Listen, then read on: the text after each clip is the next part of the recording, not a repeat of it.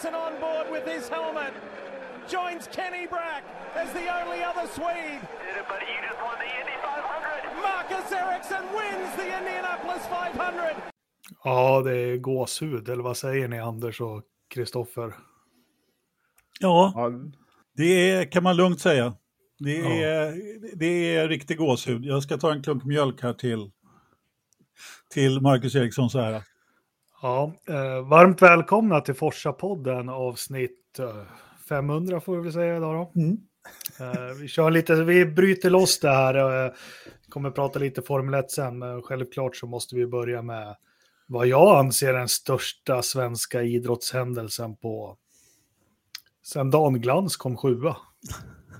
Ja, eller hur? Eh, alltså, bara för protokoll, protokollets skull, så vi kör det här som ett avsnitt så kör vi resten, eh, vi bryter sen och sen kör vi om med, med Monacos GP. Så att, eh, ja, men det var en ganska bra liknelse där Jakob. Jag tänkte faktiskt på Dan Glans eh, och Bosse Hansson, för er som inte vet det så är det helt enkelt 3000 meter hinder, eh, Montreal 1976, Anders Gärderud håller på och vinner o- första svenska OS-guldet i friidrott sedan 20 eller 30-talet. Och när han, precis när han håller på att göra det, då, då skriker Bosse Hansson “Dan Glans ligger sexa!” och, eh, och sen kom han sjua i mål då. Och det var precis vad Rickard Göransson gjorde igår. Eh, Felix Rosenqvist ligger fyra. Så att då fick jag precis den där bilden. Jag kommer ihåg när jag satt framför tvn och såg det. Där. Jaha, Kristoffer, Finlands sak i vår och vi bara befäster det som det ledande nordiska eh, racinglandet genom att ah, vi har ju som nation faktiskt gjort den här triple crown. Det har vi ju redan gjort, men nu förstärkte vi den. Vi har ju en seger i Monaco med Ronny och Le Mans med Lillövis och vi har ju Kenny och nu Marcus som har lyckats med Indy 500. Men eh, hur kändes det för dig att titta igår? Uh, alltså jag tittade ju på hockeyfinalen där Finland vann över Kanada. Så. Ja, var det där CDVM eller vad som ingen bryr sig om förutom några, några med skinnjackor på sig i Tammerfors där eller? uh, skämt att säga, jag kollade på båda faktiskt och det var ju nästan i samma, samma klockslag som uh, Mackan vann Indy 500 och, och sen någon minut efter så, så vann Finland. Men jag måste säga att det kändes nog liksom häftigare att Mackan vann Indy 500. Det måste jag hålla med om. Det var liksom, Eh, jag vet inte, det var liksom efter allt liksom skit eh, han har fått i F1 och sen liksom Indycar så sa de att det blev inte bättre där och sånt och så liksom det var liksom så mäktigt ändå hur det liksom hur loppet kom till honom på slutet med alla det var ju lite missar från andra men att han hade stenkoll på hur det här skulle gå till. Och vi behöver väl inte gå in på det. Vi har väl varit kritiska och fundersamma till, till Marcus eh, genom åren, dels i Formel 1 och kanske första ett och ett halvt åren i, i Indycar. Men eh, samtidigt så har vi lyft på hatten och, och, och, och föran. Eh, he, helt, vad är han, 31 år gammal nu, 30, 31. 31. det som är som jag tror Marcus kanske inte är den största naturbegåvningen i racingvärlden, varken i Formel 1 eller Indycar, men arbetsmoral, nöta, lära sig, köra, aldrig ge upp, eh, verkar ha ett, med tanke på de motgångar han har haft, ett, ett psyke som jag beundrar, eh, gör det här så extra kul på något vis att kanske det är han istället för Felix. Nu vill jag inte jämföra, men ja, Anders, du får ta vid. Ja, jag kanske inte har varit lika kritisk som du när det gäller Marcus eh, kvaliteter i eh, någonstans eh, på samma sätt. Då, då. Eh, även om jag naturligtvis, även om det har funnits tillfällen där man kan kritisera honom. Men jag tycker däremot att eh, liksom hela den här svängen och Felix versus Marcus och så vidare, den har, den, den har blivit lite uppförstorad. Eh, sen är ju inte det är ju ganska tacksamt då att jämföra eftersom Marcus är ju inte den här som sätter ett snabbt varv direkt i vilken bil han än sätter sig. eh, som Felix är. Han blir ju snabb direkt eh, när han är. Utan Marcus är ju den här en, en klassisk slow starter. Det tar honom ganska lång tid innan han får upp farten. Men han väl får upp farten, som han fick i, i, i eh, igår då, i söndags. Eh, och jag menar, de jag lyssnade faktiskt på Indyradion som kommentatorer och eh, den kommentatorn som jag inte nu vet vad han heter, han sa flera gånger eh, under första delen av loppet att jag anar ugglor i mossen här. Jag ser en kille som ligger med på fjärde plats som, inte, som, som bara ligger där och väntar. Eh, och det sa han åtminstone fyra gånger under sändningen tror jag, ju längre var det led och eh, det var ju naturligtvis Marcus. Och han hade ju gjort upp en plan och han höll den äh, äh, nästan till punkt och pricka. Det var ju bara Jimmy Johnson då som lyckades eh, förstöra lite grann där. Så att, eh, det var... Men jag måste fråga dig Jakob, eh, till att börja med i alla fall. Eh, bara sådär, hur sätter du den här, du sa att det var den största svenska motorsporthändelsen på, på länge, men hur sätter du den i historien sådär? Det är kul att du nämner det, för jag skulle precis referera till när jag gjorde mina kvartingar så gjorde jag en som heter Den svenska stormaktstiden. Eh, som jag anknöt till Belgien 1977 då Gunnar Nilsson vann och Ronnie Pettersson kom trea. Eh, här kan man tänka och tänka vad man vill om eh, Indycar, men Indy 500 är faktiskt världens största överlägsna, överlägset största motorhändelse med åskådare, publicitet, hela uppbyggnaden under hela maj. Vi har en Fernando Alonso som tar ledigt från Formel 1 för att försöka vinna det här. Vi har genom åren har vi Jim Clark, eh, vi har Nigel Mansell. Alltså, det här är ett lopp som alla racerförare eh, vill vinna om de har möjligheten. Så jag skulle vilja säga att eh, söndagen igår för mig är det med en svensk på första och en på fjärde plats är det ju absolut största enskilda eh, händelsen i svensk motorsport. Och då kanske jag missar något. Men för mig är det det i alla fall. Vad säger du då, Kristoffer, som kanske inte är lika blågul i hjärtat? Eh, vad, vad, mm. Om du refererar till... Uh, ja, nej men... Uh, det är väl mer att jag har träffat Marcus någon gång och just Alex Elge, de här omkring honom också. Han är ju kanske, som ni säger, han är ju kanske inte den snabbaste talangen, men han är ju alla jobbar ju hårt i den här sporten, men det känns, man har fått känslan av att han är en av, av de som... Han, han liksom utesluter inga faktorer. Jag hörde någon intervju här att han hade liksom... Kvällen innan hade han liksom talat med sin reseingenjör och sagt att vad gör vi om det blir en röd flagg med fyra år kvar? det är liksom sådana detaljnivåer han går igenom saker på och förbereder sig. Att han är den bilden jag har fått av honom att han är väldigt noggrann med att ta reda på allt han kan göra och liksom sen så lyckas han göra det som de har gjort enligt plan också att han, han letar inte på talangen eller han har en talang men att han ändå liksom förstärker talangen med att vara väldigt bra förberedd inför varje lopp. Det, det, det, det, är min, det är min eh, eh, bild av honom också, just det här att eh, han liksom går igenom alla scenarier och det, det, känns som att det har blivit mer och mer så. I, efter, ju mer han har fått liksom, kontroll på sakerna. Och jag tycker att det också märks i stallet. Jag menar, i, de gjorde inga fel på depådisken nu. Hade det varit för hade det varit förra eller till och med förrförra säsongen, då hade de tappat ett hjul och eh, glömt att tanka och ja, ni vet. Ja, men det, det jag tror, jag vet ju ingenting, men det jag kanske kan ana om man ser utifrån så här, det är att han var i Formel 1, han skötte sina papper väl, gjorde det man ska. Eh, kanske en aning utifrån att man fick känslan av att han hade en känsla av att han var där på nåder. Men det han har fått gjort senaste åren i Indycar, det är att ta någon slags lead, eller ledarskap över eh, sitt lilla husky-team där i, i Ganassi och eh, eh, jobba hårt med hur ska vi få, det har ju varit problem med depåstopp och lite allt möjligt. Och det som känns, som gjorde, vi kom in på själva loppet sen, men jäkligt nervöst igår, alltså det som var så fruktansvärt kul igår, det var att, eh, ja du sa mossen där på Indycar radion, men läge genom åren i Indycar. Men frivrat sig, det har varit någon liten påbromsning i, i eh, depån och det, han gick väl in i muren, var det förra eller för, förra året och så. Men här, här liksom all rutin han har samlat på sig fick han verkligen. Och eh, ja, men han konsoliderade all den och eh, gjorde den nytta också. Så det, gör det lite extra härligt på något Ja, Nej, jag är lite så här så, bra lopp och liksom hur det utspelas och allting. Jag har fortfarande lite svårt att, att landa i det här. Ja, det kan jag hålla med om. Jag har inte heller riktigt landat kanske i det. Jag försökte titta på målgången igen här. Eh, innan sändningen så tittade jag precis igenom de sista varven från loppet 99. Eh, 1999 då.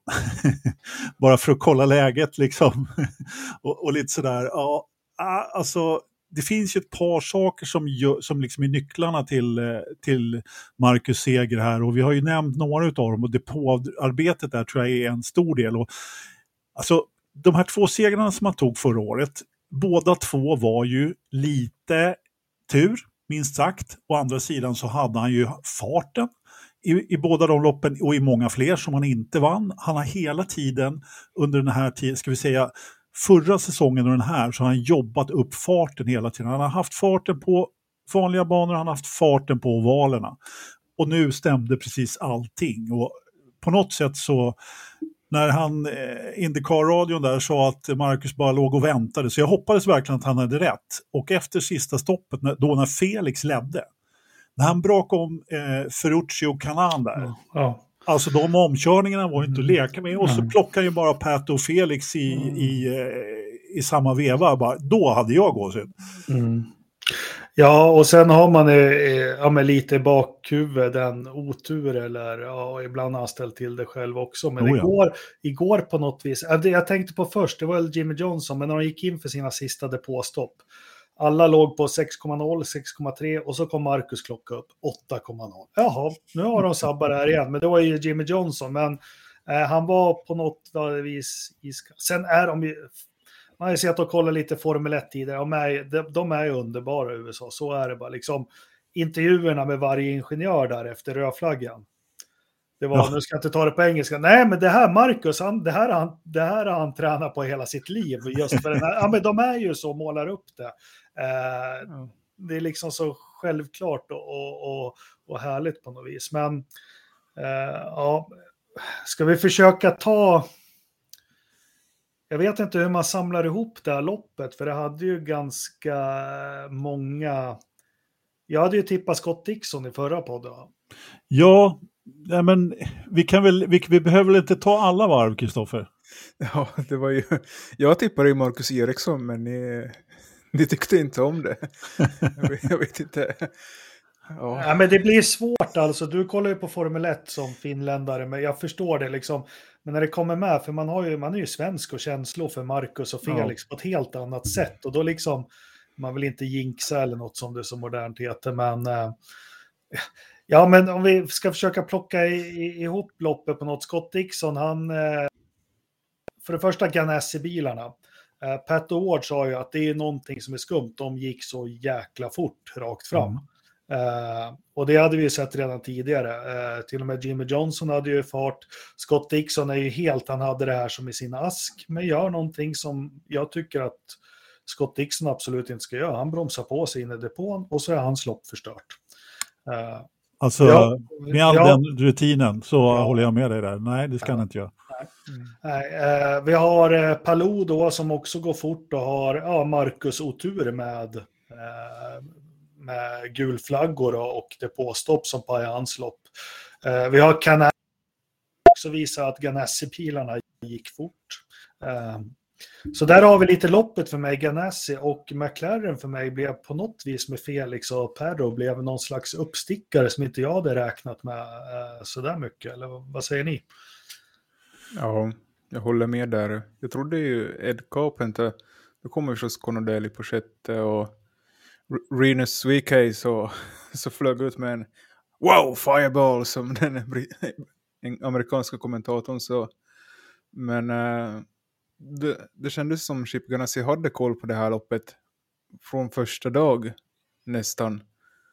Och det var liksom det som för mig starkt att Marcus kunde, kunde vinna det. Som du säger där, både Dixon och Palou hade oflyt med sina respektive grejer då. Alltså, Dixon hade inte oflyt. Det var, eh, det var faktiskt, eh, ja, nej men han får ta på sig den helt enkelt. Eh, Palou däremot, eh, den, var ju, den är ju svårare naturligtvis eftersom han var tvungen att gå in i depå då när det var gul flagg och tanka, annars hade han ju fått soppatorsk liksom. Men, men, nu ska man inte säga om, men om de båda hade varit kvar i, ledar, i, ledarposition eh, på sista stinten där, ja, då hade det ju blivit en, en helt annan kubbning. Eh, eh, helt klart. Och jag tror att, eh, ja, nu blev det ju inte det så, och, och Marcus fick det ju ganska jobbigt ändå där på slutet, men vi hade ju några, några händelser ändå tidigare där som, som vi har ju nämnt de flesta av dem, men, men eh Eh, vi hade flera krascher i kurva 2 där, på precis samma ställe där Marcus åkte av tidigare. Och eh, de tre första var väl, såg väl lite annorlunda, speciella ut. Grosjean kraschade, kraschade ju rejält bland annat, men sen var det ju då vår vän eh, Jim Johnson som faktiskt gick för lågt och på gräset på något sätt. Så att, eh... Är det någon jävla grop där? Eller vad ja, man undrar, ju, man undrar ju verkligen om det är någon grop där. För eh, först VK och sen Grosjean, det var två till som kraschade där, jag har glömt vilka nu. Uh, ja, men det var ju en uh, McLaughlin Nej, han var inte... Ja. Nej, Mac jo, McLaughlin var det. Ja, det... Ja. Men sen också. var det en rejäl jäkel som gick in i innemuren sen också.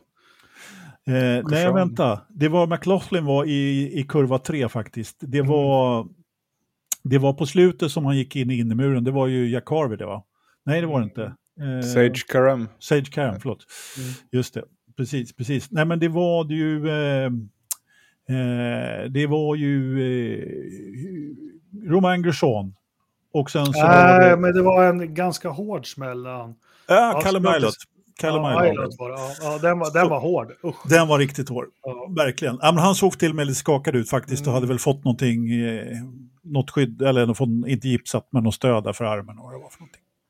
Ja, jag börjar tänka på det här folk säger att de värderar inte en vinst i Indy 500 så högt för de kör bara runt, runt, runt, men att det är ju det går jättefort och liksom sex stycken som bryter för att de kraschar. Det, man kraschar inte så här våldsamt om det inte är svårt eller farligt liksom. Det är ju, det... för helvete, det är ju 350 kilometer i timmen. Ja. Det är fyra 90 graders böjar i det där. Uh, ja, så här såg jag på Indy 500 innan jag fattade någonting, men uh, Uh, ja, men om vi går bort från, från loppet så, alltså, vi fick ju ett helt underbart, det är så här ovalracing ska vara. Det här är ju, jag vet att du pratar om schack i 350 km i timmen, Kristoffer, Formel 1. Det här är ju, ja, och de, de, kör så länge också. Och jag tyckte det var ett fantastiskt lopp igår. Sen lite kul, jag lyssnar ju på Rickard, Janne och eh, vad heter han? Robin Nilsson. Robin, Robin för guds skull. De gjorde ett jättebra jobb allihopa. Eh, och de hade ju så här, och det är konstigt att precis runt depåstoppen så händer det någonting. Ja. Det, det sa de.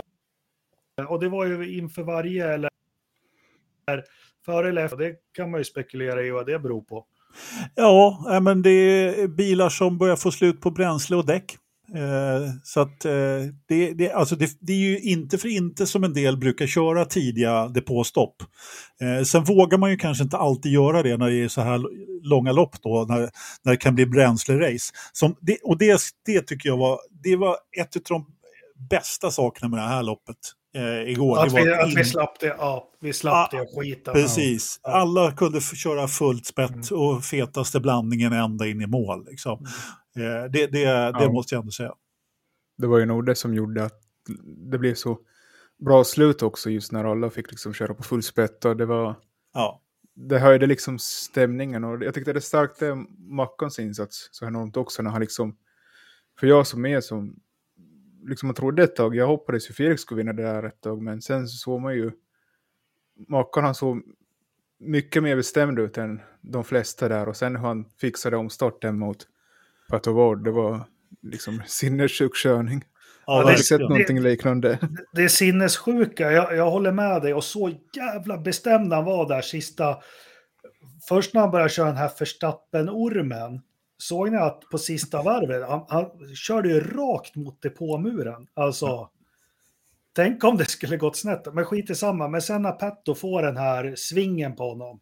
Ja. Och man bara ser att nej, men jag håller stumt här. Det Ja. finns inte en chans i helvete, det här får gå in i väggen eller. Eh, och det är också häftigt att se med Marcus att, ja, Alltså just här, den här bestämdheten och just de här omkörningarna, de har vi inte sett från honom. Möjligen några lopp tidigare i år, eh, men, Ja. in, men inte tidigare, utan just den här, eh, jag skulle vilja säga att det är självförtroendet. Ja, ja, men det är ju utan de här två segrarna i ryggen förra säsongen så skulle det inte sett ut så här. Sen har vi ju nyckeln till det hela, jag tror du var inne på det Anders, det är eh, ett skede innan han tar, om, tar sig om Ferrucci.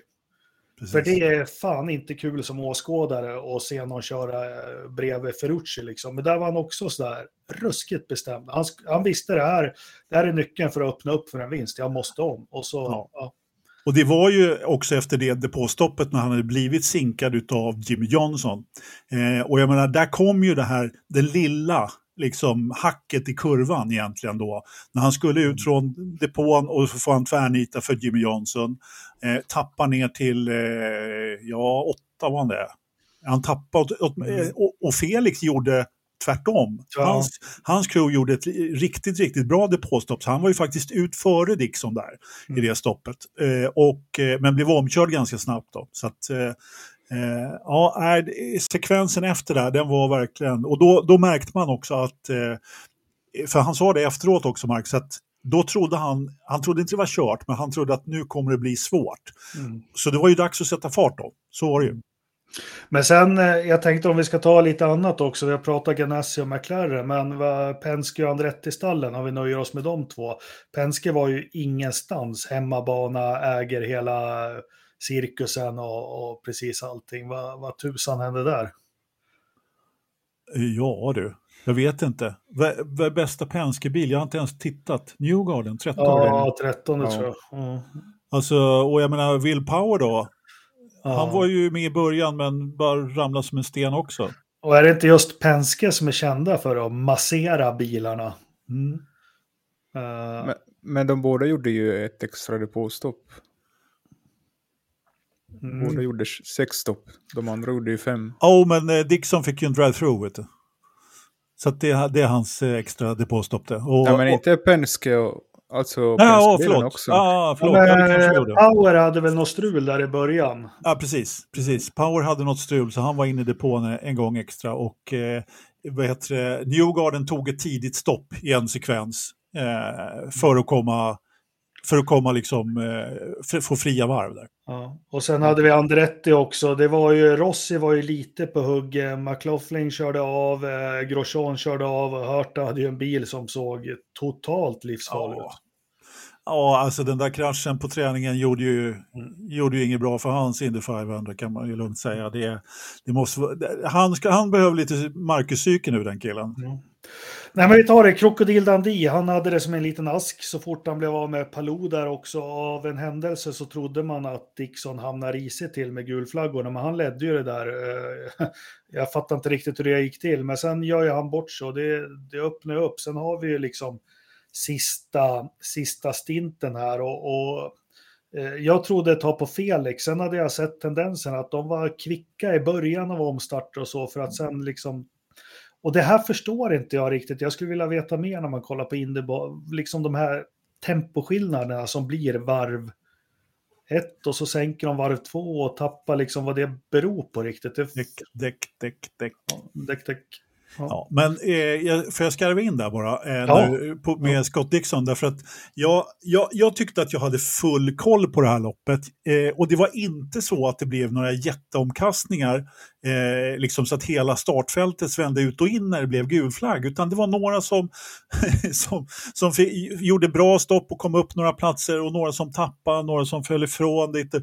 Men Connor Daly, helt plötsligt var han topp tre liksom.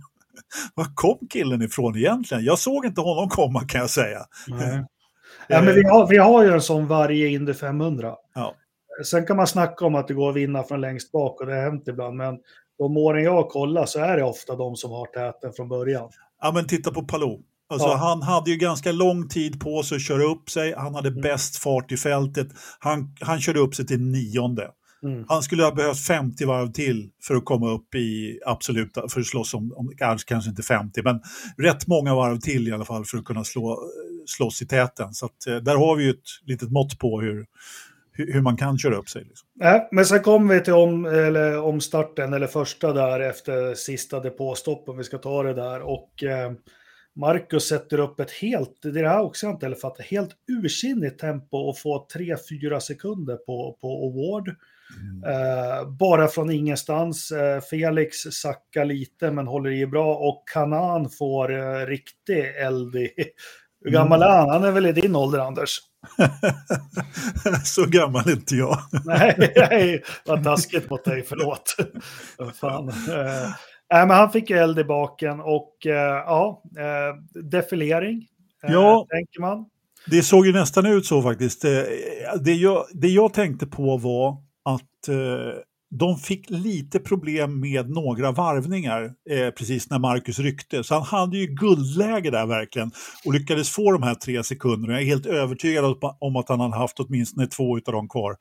Eh, Eh, han hade ju inga problem att liksom ligga längst fra, fram heller. Den verkar vara så otroligt snabb den där. Det var det de pratade väldigt mycket om efteråt också, just, eh, vet du, bland annat Petto sa det, att de var, de, de var nästan chockade över farten där som han kunde när han, när han väl fick fri luft. Liksom. Och det var ju helt rätt tillfälle. Jag menar, tidigare så var det ju inte rätt, som Dixon och Palou, de slogs om ledningen och ditten och datten. Jag menar, det var inte rätt att gå upp då, utan det var ju det, var ju det här läget som Marcus skulle gå upp i ledningen och dra ifrån. Liksom. Mm. Det är så man gör, det var ju liksom klassiskt. Vad säger du, Kristoffer? Ja, han- Ja. Kristoffer tror att Marcus hade fått Leclercs gamla motor från Ja, alfatiden. ja exakt. Ja, men jag håller väl med där. Inte så mycket att tillägga. En otroligt känslosam Kristoffer här. Ja. ja. ja, men det känns sådär... Ja, vet inte vad jag ska säga fortfarande. Nej. Det är, något, det är något som kommer fastna länge på näthinnan, den här målgången. Jag fattar inte att de ska tävla igen på, i helgen. Det känns lite Mm. konstigt. Ja, det är lite märkligt. Jag håller med dig. Man skulle vilja suga längre på det här, men det är ju det som är grejen i USA. Att eh, nu när intresset är uppe, då kör vi. Liksom. Ja. Så. Nej, men vi får ju där, så Jimmy Johnson gör bort sig och det som också är lite uppfriskande att han har tuffat till sig. Liksom. Marcus har ju inte varit nådig i, i den kritiken. Liksom. Vad fan, hur kan han ställa till det så? Varför går inte teamet ut och säger att vi leder med tre sekunder? Nu, nu fryser alla läget. Eh, Precis. Det är också, det är också en liten tuff kam.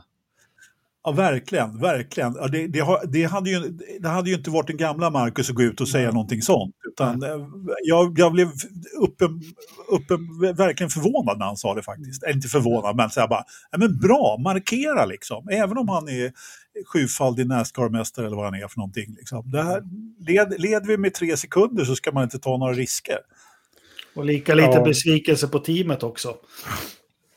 Men du vet ju när en svensk säger någonting sånt där så då låter det inte lika allvarsamt som om en inte, amerikansk eller... Som skriker. Eller Ja, Will exakt. Power bara... Ja, exakt. Ja, men det Ja, men- ju... Jag hörde också liksom många som kom fram och gratulerade Marcus för han är ju så sympatisk och snäll och det var väldigt många som unnade honom den här vinsten. Liksom, det är det som... Ja. Liksom, Ja, Det, fanns, det är ju ingen eh, mer, alltså jag, ingen annan eh, som jag undrar den här serien så mycket som Marcus faktiskt. Nej, det är det faktiskt inte. Och är det någon jag aldrig kommer unna någonting efter den här helgen, det är Per Award. Vilken jävla osympatisk eh, snubbe Ja, men- det ver- verkar vara. Ja, men det har på något sätt smugit sig på. Jag, Ja. har, jag har bara så här, tidigare så bara, han är en jäkel på att köra bil, han är duktig, jag har liksom beundrat honom. Och så när han öppnar käften så bara, men hallå, Ja, men det har ju varit lite gnäll på teamet och så. Det har jag varit inne på det, att han kanske Mm. är på väg till, ifrån McLaren. Men jag tycker, ja, skit i honom nu. Eh, Jimmy Johnson in i muren. Robin bara, det är lugnt. Det här blir Ja. aldrig, de sätter aldrig igång loppet igen. Jag bara, håll käften gubbjävel, tänker jag. Det är fan vi såg ju Formel 1-upplösningen och, och, precis allting. Ja, men då kommer rödflaggen. Och så kommer min panik, liksom Marcus först i kön. De får inte sätta på fläktar förrän alla har, ja men lite, man kan tycka vad man vill om, om eh, då får jag den paniken. Och så får jag nästa panik, för jag tycker Perro har sett så snabb ut i alla omstarter, liksom verkligen på alerten. Uh, vad tänkte ni? Jag, jag, var bara, alltså, jag var tvungen att se om den där sekvensen igår Eh, med andra kommentatorer. Bara efter, och då var just det där, alla, både, både Janne, Marcus och eller Robin och eh, eh, Rickard, de var ganska övertygade om att det här var en seger eh, under gul flagg i Indy 500. Det var ingen som ens tänkte röd, eller de sa i alla fall inte röd flagg överhuvudtaget. Och jag, eh, jag var nog jag, jag, kan säga att jag blev ju inte, jag blev ju lite överraskad på rödflaggan. Jag hade nog inte trott att de skulle rödflagga heller, men när man tänker tillbaka, och man är lite efterklok sådär, eh, som det alltid är lite tråkigt att vara, så har de ju faktiskt gjort likadant på, på flera Indycar-lopp på sistone tiden och det, de, de har brukat gjort så. Så att, alltså det är ju inte sådär jättemycket att säga om, utan eh, framförallt inte nu när han vann. Hade Pato vunnit, då hade vi varit jävligt sura idag. Ja, Vad tycker du om röda flaggan, Kristoffer? Jag kände väl nog där också att det kunde misslyckas faktiskt. Jag blev lite rädd. Det var ju just omstarten han, han, han fick fokusera på hur han skulle lyckas. För det blev ju det här med slipstreamingen blir så lätt på en oval. Just i omstarten när du startar direkt bakom varandra. Och det kändes ju som alla de där fyra hade chans på vinsten i omstarten, tyckte jag i alla fall. Absolut. De, de fyra som var längst fram då? Alltså jag skulle säga så här att eh, jag tror att eh, Marcus ska tacka sin lyckliga stjärna att det bara var Pato. Därför jag tror att eh, Felix ställde till det en del för Tony Kanan nämligen. Ja, jag var ju livrädd för Kanan just. För den, den farten, han började ju, det var ju ingen fara för de här fyra sekunderna innan kraschen, men han åt ju in ordentligt. Han fick riktig eld i, i baken, Tony Tiger. Jajamensan. Och jag, ska, jag kan säga att eh, under rödflaggen så, nu kommer jag inte ihåg nu, men på Viasat var det ingen som tippade att Marcus skulle vinna efter den där. Eh, och det var nog likadant på dem jag lyssnade. Det var, det var många som pratade om vinnarhålet och eh, Felix, Pato eller Canan. Ingen som trodde att eh, Marcus skulle ta hem det där och det gör det ju lite, lite ännu bättre tycker jag. Nej, men, men sen, sen, har vi det under rödflaggen, vi var inne på det. Och, och det är det här liksom, Kristoffer, du som är lite nyare på Indycar och ser det med kritiska ögon. Med, och vi har varit på till. Men här, här liksom det här loppet, all tv-produktion, allting är toppklass. Kan de, inte, kan de inte göra det så här? Allt ifrån fyra jävla stridsplan med vita och, och ja, men allting. Och, och så får vi de här intervjuerna istället för en trött från depåmuren liksom med racingingenjörerna jag, jag tycker eh, allt det här byggde upp stämningen och, och inte något så här ödmjukt utan bara, men Marcus, det, det är det han har liksom drömt om hela livet. Eh, och vad var det mer? Perros ingenjör, är du nervös? Nej, jag har gjort mitt nu liksom. Jag, jag, och Tony Kanan säger, vadå två? Jag, ska, jag skiter i att komma två, jag ska komma etta. Det är ingen som vill komma två i det här. Nej, men tänk dig om det skulle varit Formel 1, bara obviously Uh, honestly, try my best. Uh, ja. ja. Oh, men ja. de är lite befriande frispråkiga faktiskt ibland. Det, det, det, måste jag hålla med om. Ja, så får vi omstart. Nervösa är vi allihopa. Eh, vi har satt gänget, jag, precis som jag, vågar inte tro på Marcus, för man vill ju inte på något vis. Men eh, tycker han får en bra lucka i början. Eh, Perro hamnar i draften. Eh, det blir lite ormande där. Han gör det smart, Marcus. Två sekunder. Såg ni hur limmad Perro var på Marcus innan ja, grönflaggan? Jo, men han gjorde det bra, Marcus. Han fick ju bort den. Ja. Han, fick, han, fick ju, om det, det ser ut som fem meter, men det är säkert 50 meter. Då. Men, eh, men han gjorde det bra. Sen det här att han ormar på, på raksträckorna tyder också på, som du var inne på, Kristoffer, det, det här har han tänkt igenom. Liksom. Det är ett han scenario. Berätt, ja. Han berättade att han hade kollat på Pagino där, faktiskt. Mm. Eh, när var det? 19 eller ja. Mm. Och eh, ja, han får ju en bra sving till slut, Per, men ja, som vi var inne på, han var ju stenhård där. Sen, sen är det någon jävel som sätter den i muren och det var ju rätt skönt på något vis. så, jag, upp, Jag uppfattade inte riktigt det faktiskt, för de, de låg ett halvt varv efter, efter kommentatorerna där på Indy-radion. Så Jag såg det, blink, lite grann. det blinka till gult och då blev jag så här, ja men är det gul flagg, hur fan är det? Är det full course eller har det Ja. där hänt bakom dem? Vad händer? Men Det är alltid full course, men, men eh, nu kunde de ju, ja, de körde ju i princip full fart in i mål, men då var ju, plats, då var ju segern säkrad när gulflaggan kom ut där. Liksom. ja, När gulflaggan var bakom i alla fall. Sen, sen vet jag inte om de får racea till mållinjen, det, det vet jag faktiskt inte. Men... nej. Eh, nej men får han, ja ja, det var ju helt otroligt. Sen upp och dricka mjölk och han är ju helt knäckt Marcus, det syns ju. Han är slut och han, är, vi fatt, han fattar ju ingenting han. Han får ju till och med en kram av Chip. Det får nog inte alla liksom. Han var riktigt glad, han fick sin Ja. joggingtur och alltihopa där. Ja, och teamet, alltså de som har varit lite utskällda på, på Husky-bilar, liksom, deras... klä- Nej, det, är- det är underbart mot det sterila Monaco Formel 1. Mm. Ja, men det var, och det är ju verkligen vinnaren tar allt där. Det är ingen prispall med några som kommer Nej, två och det är- annat. Ja. 300 kilos ring bara pang på direkt. Sonen frågar vad fan behåller den där? Om han, Ja. om han går runt med den? Nej, det orkar han inte. Han, får, han får inte bara behålla lagerkransen, han får behålla pacecaren också. Ja, ja, ja. Det, Alltså, Ja. eh, det, det var... eh, Jag, jag måste bara, eh, liksom, just det här när man vinner, det är mycket traditioner och grejer. Det är ganska mycket prispengar och, och, och så vidare. Jag tänkte bara innan vi kommer in på det. Jag, jag, alltså, Takuma Sato var ju faktiskt med där ett tag. Han, eh, han fick också ett straff och för, eh, för, körde för fort i depån faktiskt. Mm.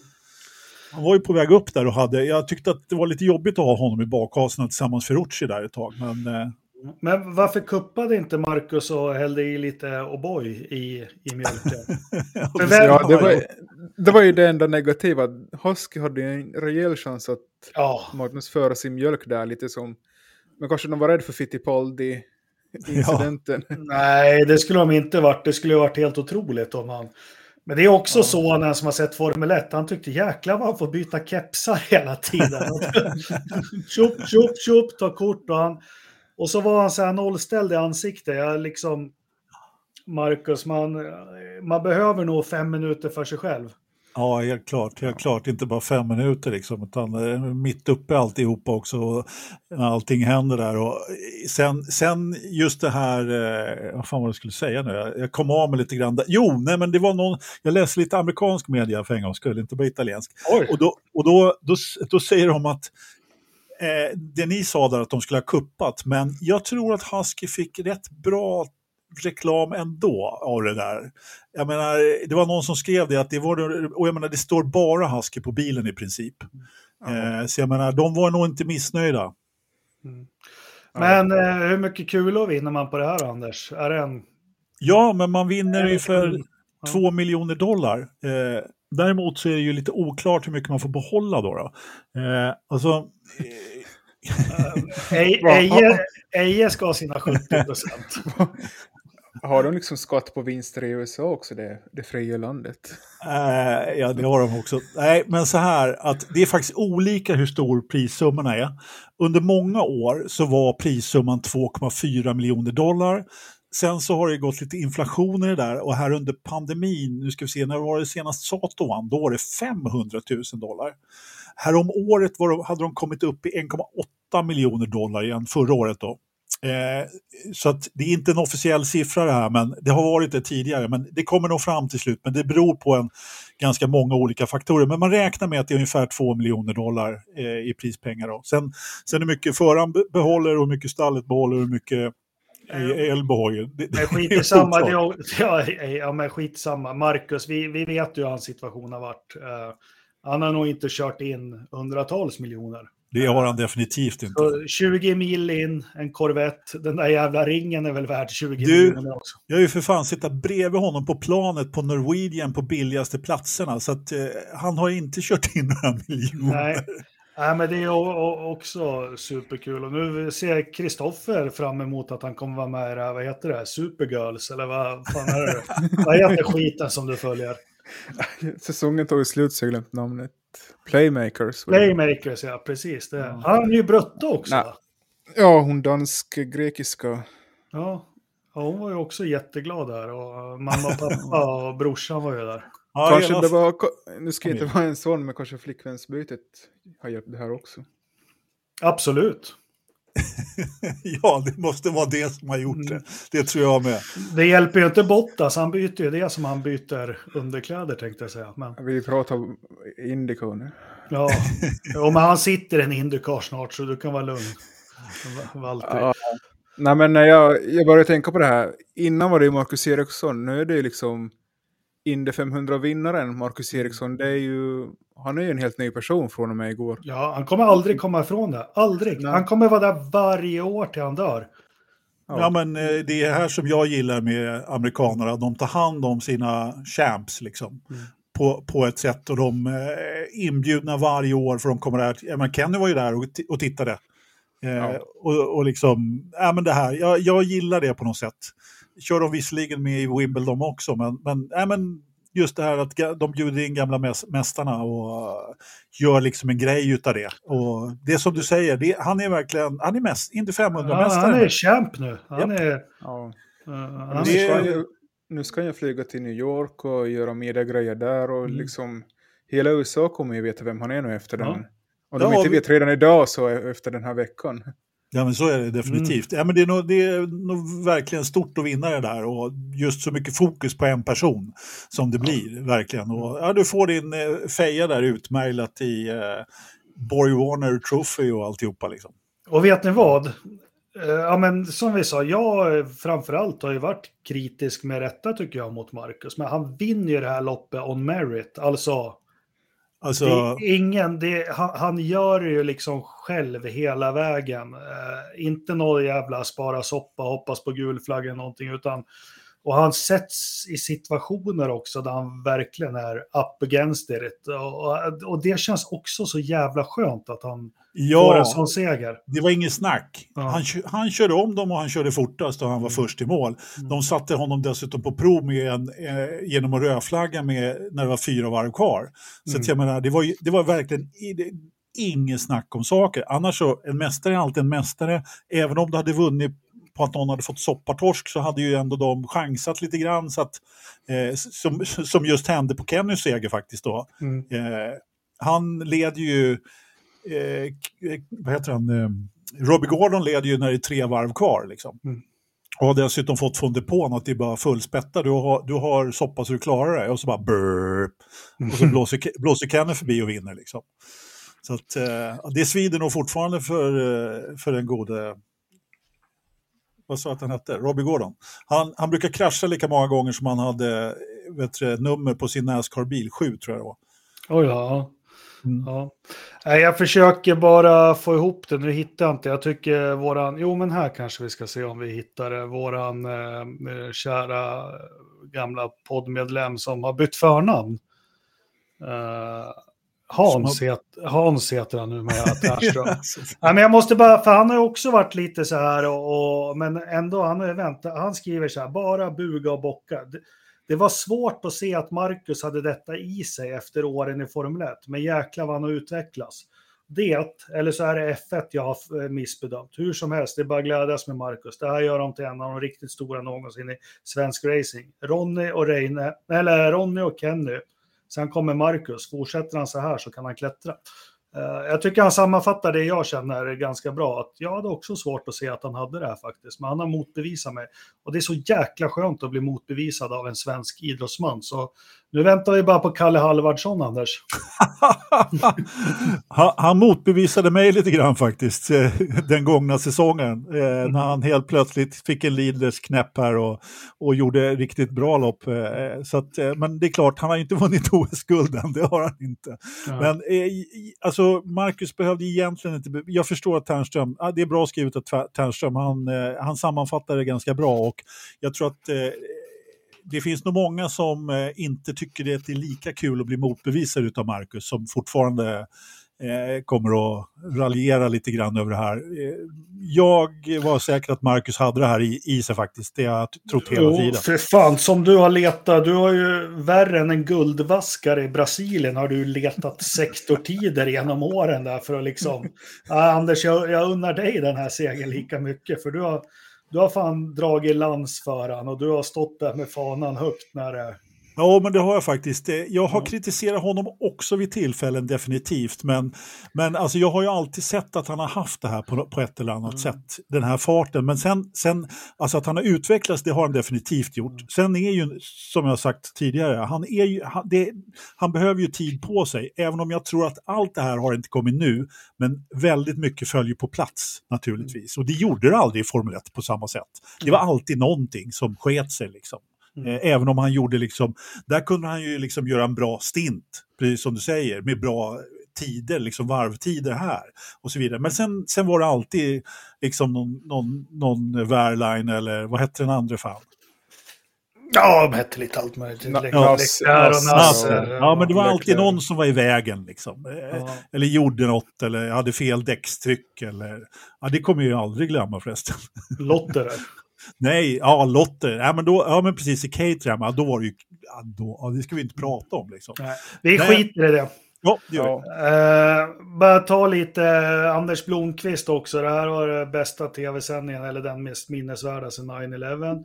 Olof Laneryd, ja, framtiden lär ju vara säkrad i alla fall ett år till för Marcus. Det är jag helt övertygad om. Vi kommer till det senare. Eh, min eh, härliga släkting Mikael, eller Micke Björklund kallar jag honom, Bjarme, applåderar. Eh, Magnus Berglund, när de flesta stora medier i Sverige skriver om det, då vet man att man har gjort något stort. Ja, det blir min veckans förstappen, för jag var in på Aftonbladet ganska direkt efteråt. Det tog en timme innan de skrev något. Mm. Och då kan de ha så här direkt rapportering om en jävla allsvensk match mellan Mjällby och Värnamo eller något sånt där jävla skit. Det är, ja, men jag tycker det är skamligt och mediahusen att de inte... Ja, Eh, kan ni inte försöka få Kenny Bräck till podden? Jo, det skulle vi jättegärna försöka få, men han är ju inte med i någonting. Uh, Kenny. Ja, han är väldigt eh, privat. Ja, eh, och Annika vinkar. Hej Annika Jensen. Ska vi bara av, avrunda det här? Han leder ju mästerskapet den jäkeln. Ja, han gör ju det. Jag måste bara fylla på där med din veckans Indy Verstappen där på, mot eh, svenska medier. Vi har en, eh, en krönikör som dessutom är ordförande i bragdjuryn som heter Anders Lindeblad tror jag. Eh, som efter loppet skrev en krönika som var ute så här snabbt. Och dessutom liksom eh, tyckte att det här var en bragd att ta upp vid diskussionerna. Och eh, det, där, det är samma koncern som, som din tidning som du pratade om där, så att jag tycker att de får en, eh, en tumme upp eller vad fan de får där.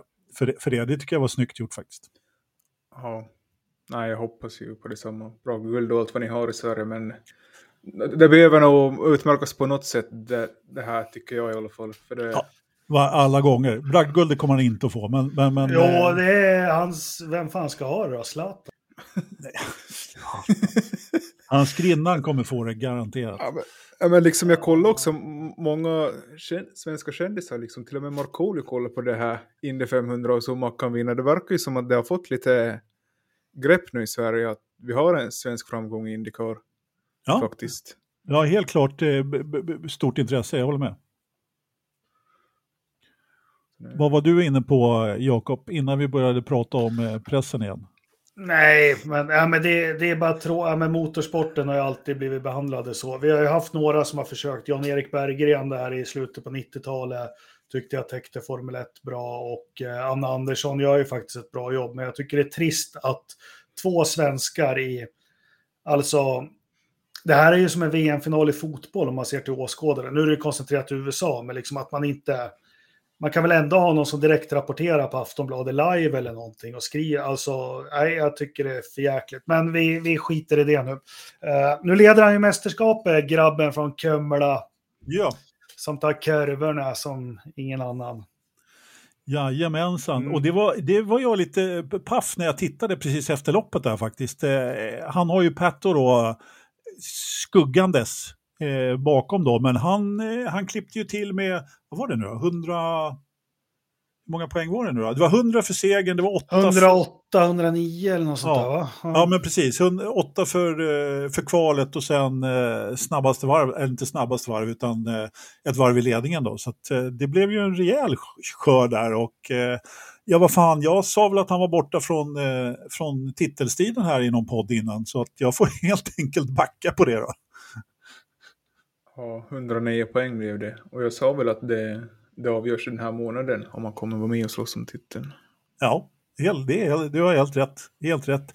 Jag, jag måste säga det att jag, jag vill inte, jag, för det första är jag Sveriges sämsta tippare liksom, men jag kommer aldrig någonsin att tippa liksom. Jag, nu har ju Marcus vunnit, så nu kan jag i och för sig tippa honom på allt liksom, men, men eh, det gör man inte.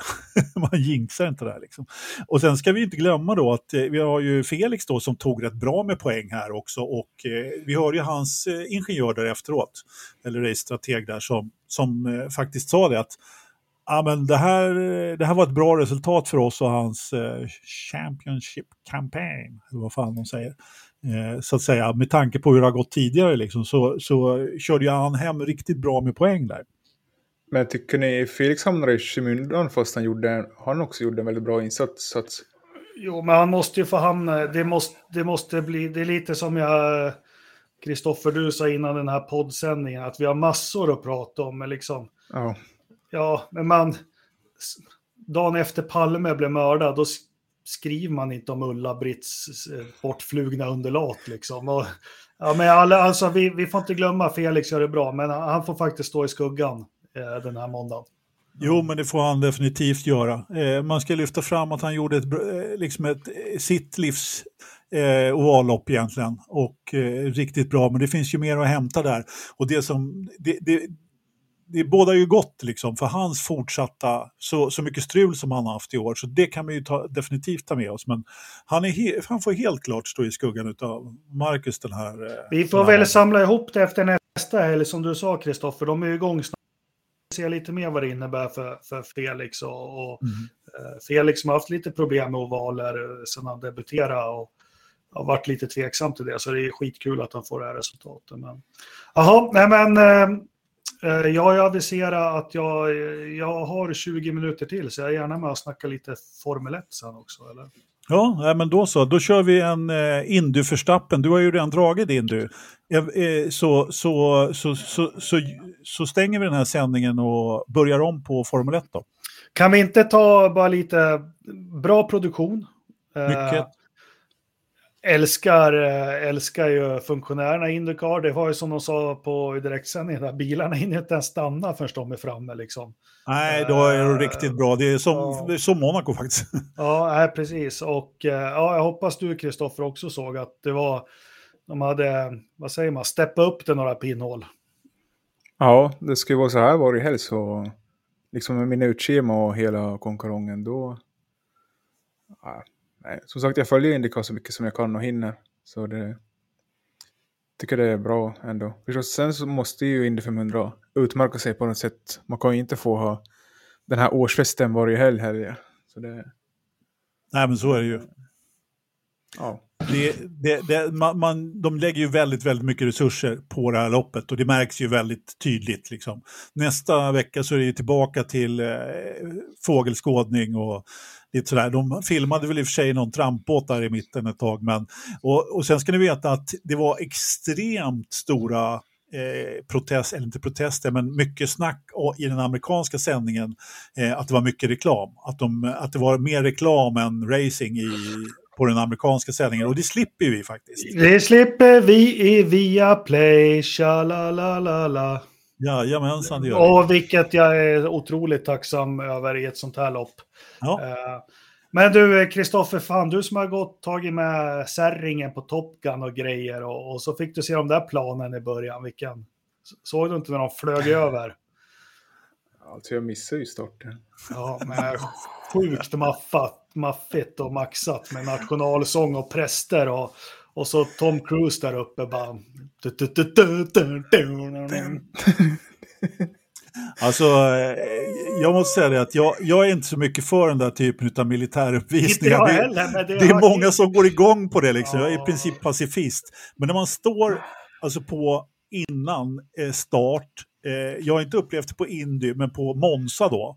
Och så Ja. kommer det liksom fyra sådana där, eller fem, sex eller vad fan det är, sådana där plan dånande liksom 50 meter det i alla fall ovanför huvudet och börjar släppa ut trikoloren där. Eh, Ja. Eller det vitt där. Alltså då, det bara dundrar, det är maffigt.